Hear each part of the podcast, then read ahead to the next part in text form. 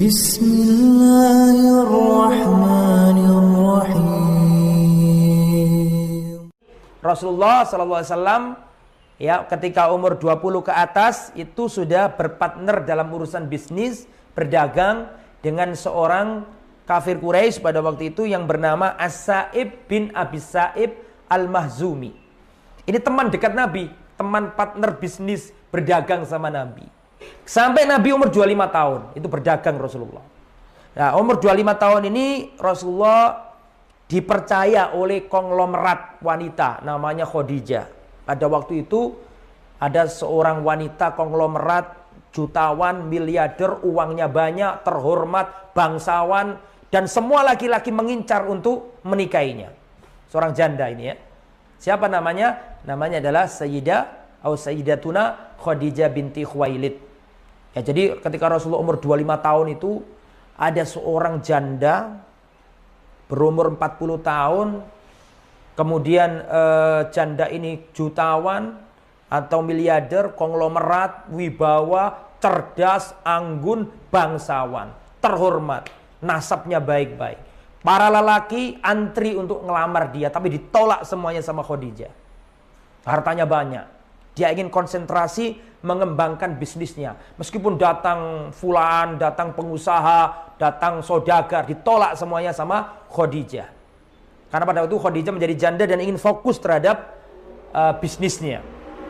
Maka kita tahu bahwa Rasulullah Shallallahu Alaihi Wasallam ketika mereka dalam kondisi uh, jahiliyah itu Rasulullah sudah terkenal dengan sebutan Al-Amin orang yang terpercaya, orang yang amanah. Sehingga rusaknya ahli jahiliyah pada waktu itu tidak merusak Rasulullah SAW. Saya ulangi ya, rusaknya masyarakat jahiliyah pada waktu itu tidak sanggup merusak kepribadian Rasulullah SAW karena dijaga oleh Allah. Di antara buktinya adalah orang ahli jahiliyah pada waktu itu sepakat menjuluki Rasulullah dengan julukan Al-Amin, orang yang terpercaya, orang yang amanat. Apa yang terjadi? Maka Khadijah tertarik untuk berbisnis sama pemuda yang rupawan tampan ini namanya Muhammad sallallahu alaihi wasallam. Akhirnya Khadijah bekerja sama sama Rasulullah ya, dikasih modal, dikasih uh, barang dagangan, disuruh untuk berdagang ke negeri Syam, membawa hartanya Khadijah, sang konglomerat wanita ini. Lah untuk membantu Muhammad sallallahu alaihi wasallam Khadijah menyuruh budaknya. Budaknya bernama Maisarah. Maisarah ini laki-laki bukan perempuan.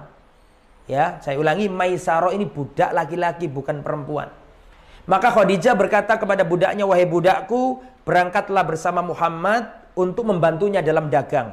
Karena Muhammad SAW membawa hartanya Khadijah yang sangat banyak untuk diperdagangkan di negeri Syam. Ya, dan kita tahu pada waktu itu masyarakat Arab berdagangnya ke negeri Syam di antaranya. Berangkatlah Rasulullah SAW dari Mekah pergi ke arah utara sampai ke negeri Syam bersama budak namanya Maisarah. Lah, di situlah Maisarah melihat ini orang yang berbeda dengan orang-orang sebelumnya yang ditunjuk oleh Khadijah untuk bekerja. Ini orang yang pribadinya beda dalam perjalanan baik, orang yang gak egois, tutur katanya baik, akhlaknya mulia. Ketika berdagang di negeri Sam, ya, dengan akhlak yang luar biasa, maka mendapatkan keuntungan yang luar biasa. Dagangnya tadi itu laris manis, akhlaknya mulia, berdagang dengan etika yang bagus, sehingga pulang membawa untung yang sangat banyak. Membawa keuntungan yang sangat banyak. Sampai di kota Mekah, selesai dagang, terkagum-kagum Khadijah ini. Melihat hartanya yang berkembang pesat, penuh dengan keberkahan. Maka penasaran Khadijah ini. Akhirnya Khadijah bertanya ada pembantunya atau budaknya yang bernama Maisaro. Wahai Maisaro, bagaimana dagangan kok sangat banyak sekali untungnya? Kok tidak seperti biasanya? Apa yang kau lihat dari sosok Muhammad ini?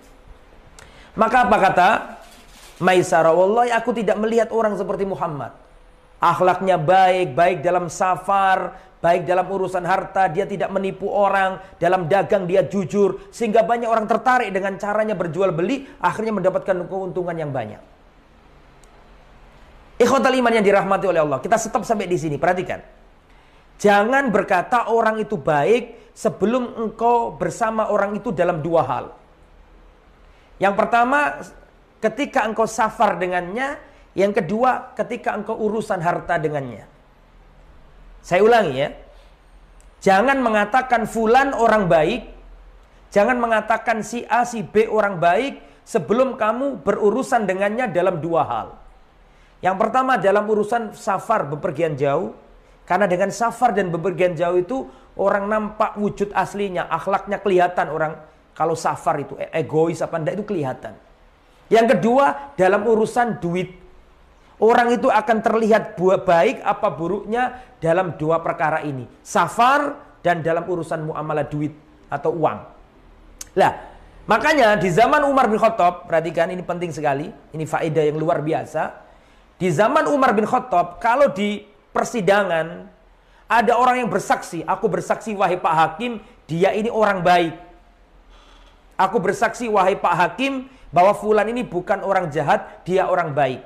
Kalau ada orang ngomong seperti itu, maka Umar berkata kepadanya, ya, ap apakah kau kenal sama dia sehingga kau mengatakan baik? Iya, aku kenal sama dia, dia itu orang baik. Kata Umar bin Khattab, apakah kau sudah pernah safar dengannya? Apakah kau sudah pernah berjalan jauh, mengadakan perjalanan jauh dengan dia? Dia mengatakan, belum pernah wahai khalifah. Oke, yang kedua, apakah kamu sudah pernah berurusan duit, harta benda dengan dia? Belum pernah. Kata Umar Khattab, berarti kamu belum tahu siapa orang ini.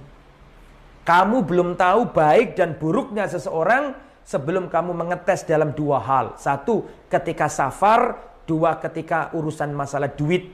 Safar itu, perjalanan jauh, itu orang akan nampak akhlak kepribadiannya. Dalam perjalanan jauh itu orang kelihatan egois, mau menang sendiri, nggak mau nolong orang lain, akan kelihatan. Nggak sabaran, akan kelihatan.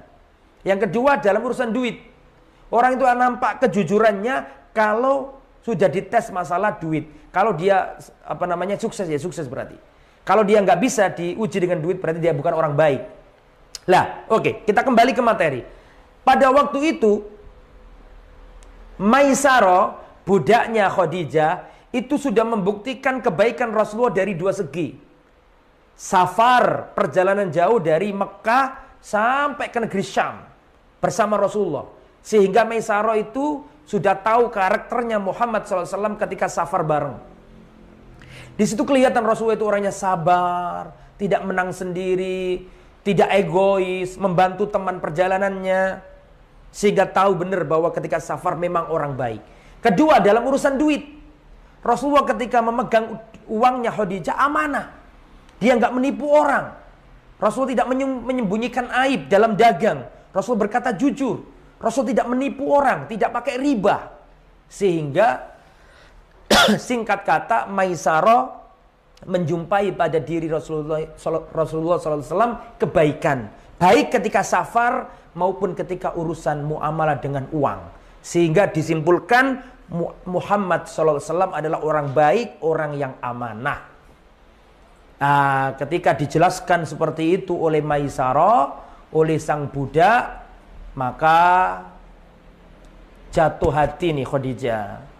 Ya akhirnya tumbuhlah rasa cinta dari Khadijah kepada Rasulullah Sallallahu Alaihi Wasallam. Siapa yang nggak cinta Rasulullah?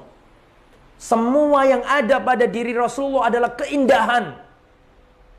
Bentuk fisiknya Nabi indah, matanya Nabi indah, rambutnya Nabi indah. Semua yang ada pada diri Nabi indah, akhlaknya Nabi indah, sopan santunnya Nabi indah, budi pekertinya Nabi indah, kejujuran Nabi indah, perangainya Nabi indah, akhlaknya indah, wajahnya indah, postur tubuhnya indah. Semua yang ada pada diri Rasulullah adalah keindahan.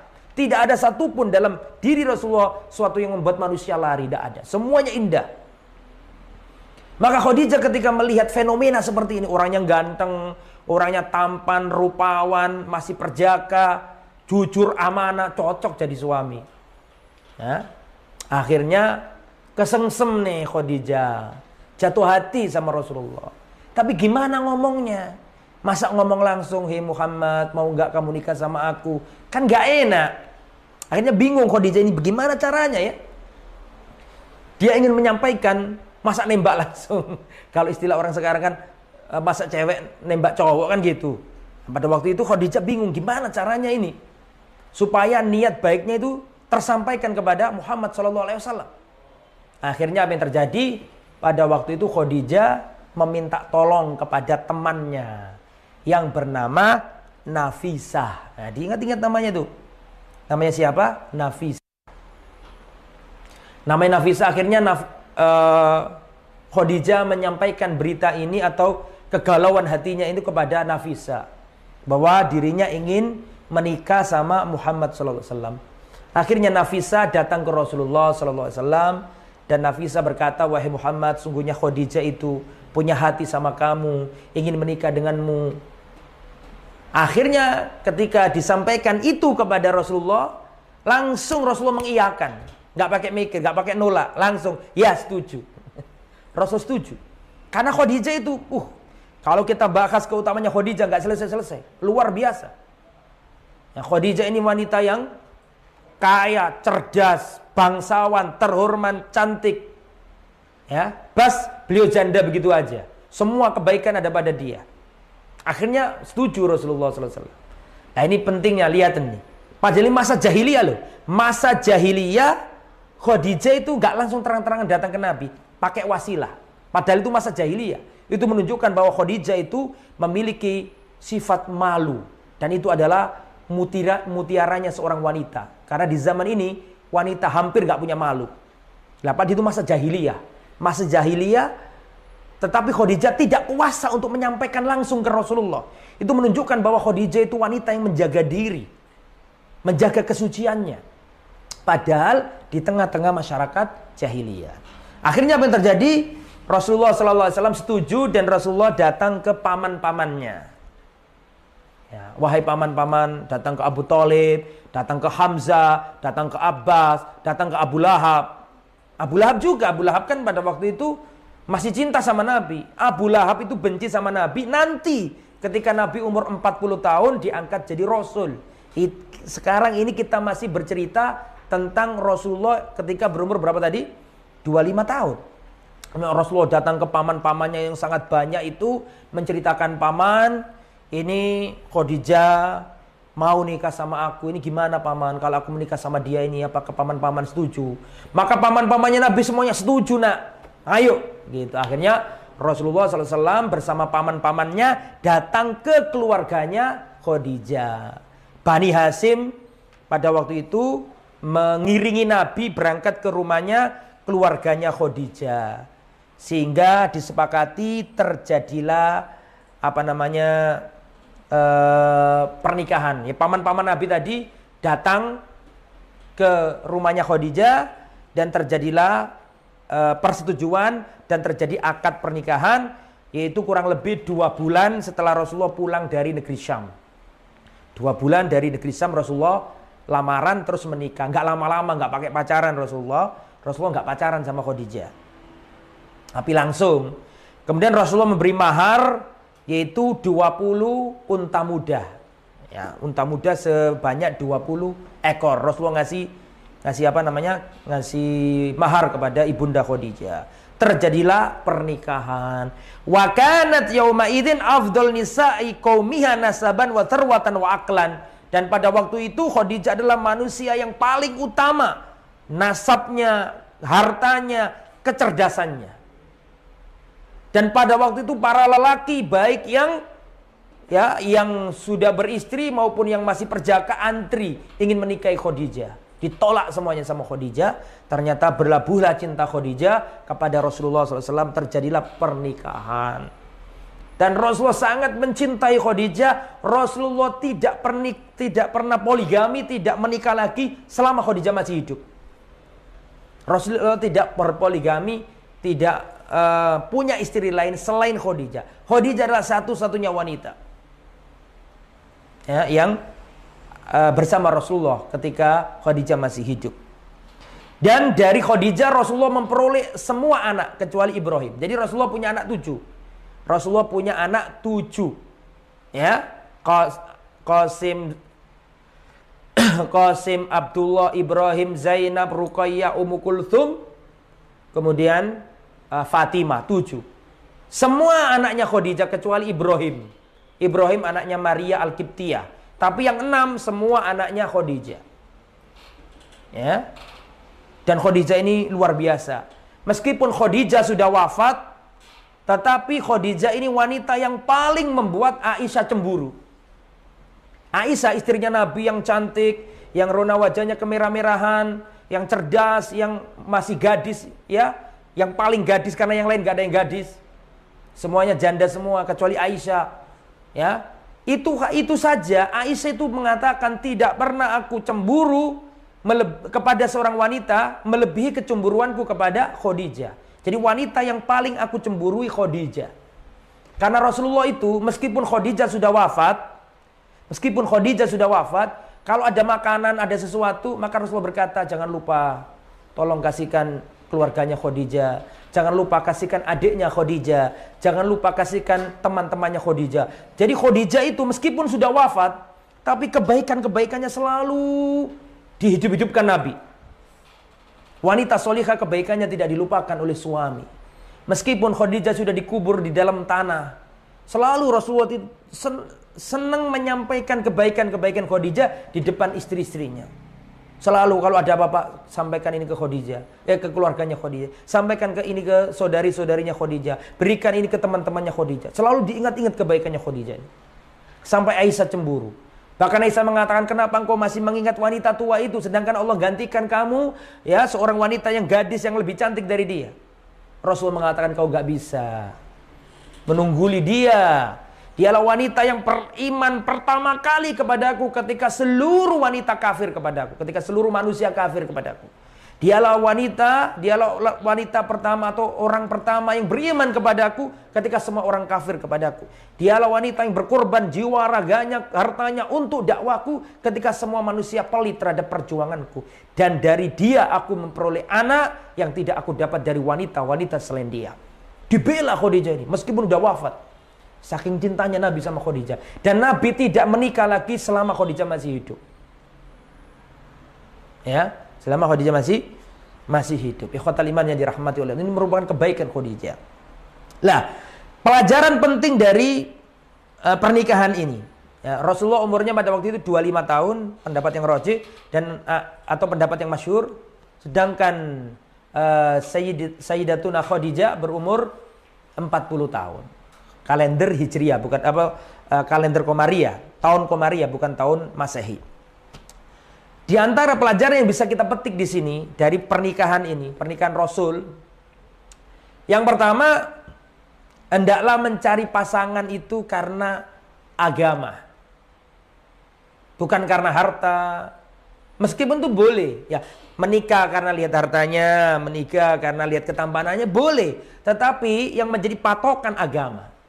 Anda ingin cari suami yang kaya, istri yang kaya, tidak apa-apa. Tapi ingat patokan yang pertama itu apa? Agama. Itu yang dilakukan Khadijah. Khadijah mencari suami yang baik.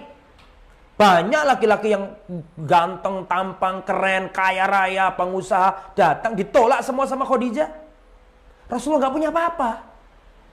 Tapi Khadijah mau sama, sama Rasulullah. Karena yang dilihat bukan hartanya begitu loh maksud saya, tapi karena Khadijah tahu Muhammad SAW itu orangnya baik. Gitu kan? Maka memilih Rasulullah. Begitupun Rasulullah menerima uh, apa namanya? Apa yang diajukan oleh Khadijah melalui Nafisa. Padahal Rasulullah bisa saja ngapain aku nikah sama janda? Oh, banyak perawan kok. Tapi Rasulullah melihat agama, melihat akhlak, melihat budi pekerti yang ada pada Khadijah menjaga kesucian dirinya. Itu pelajaran yang pertama. Hendaknya kita apa namanya mengutamakan faktor agama dalam memilih pasangan hidup. Itu satu ya. Pelajaran yang kedua, hendaklah seorang menjaga kesucian hatinya. Kalau mau menikah pakai wasilah. Jangan langsung SMS-an, pacaran, jangan.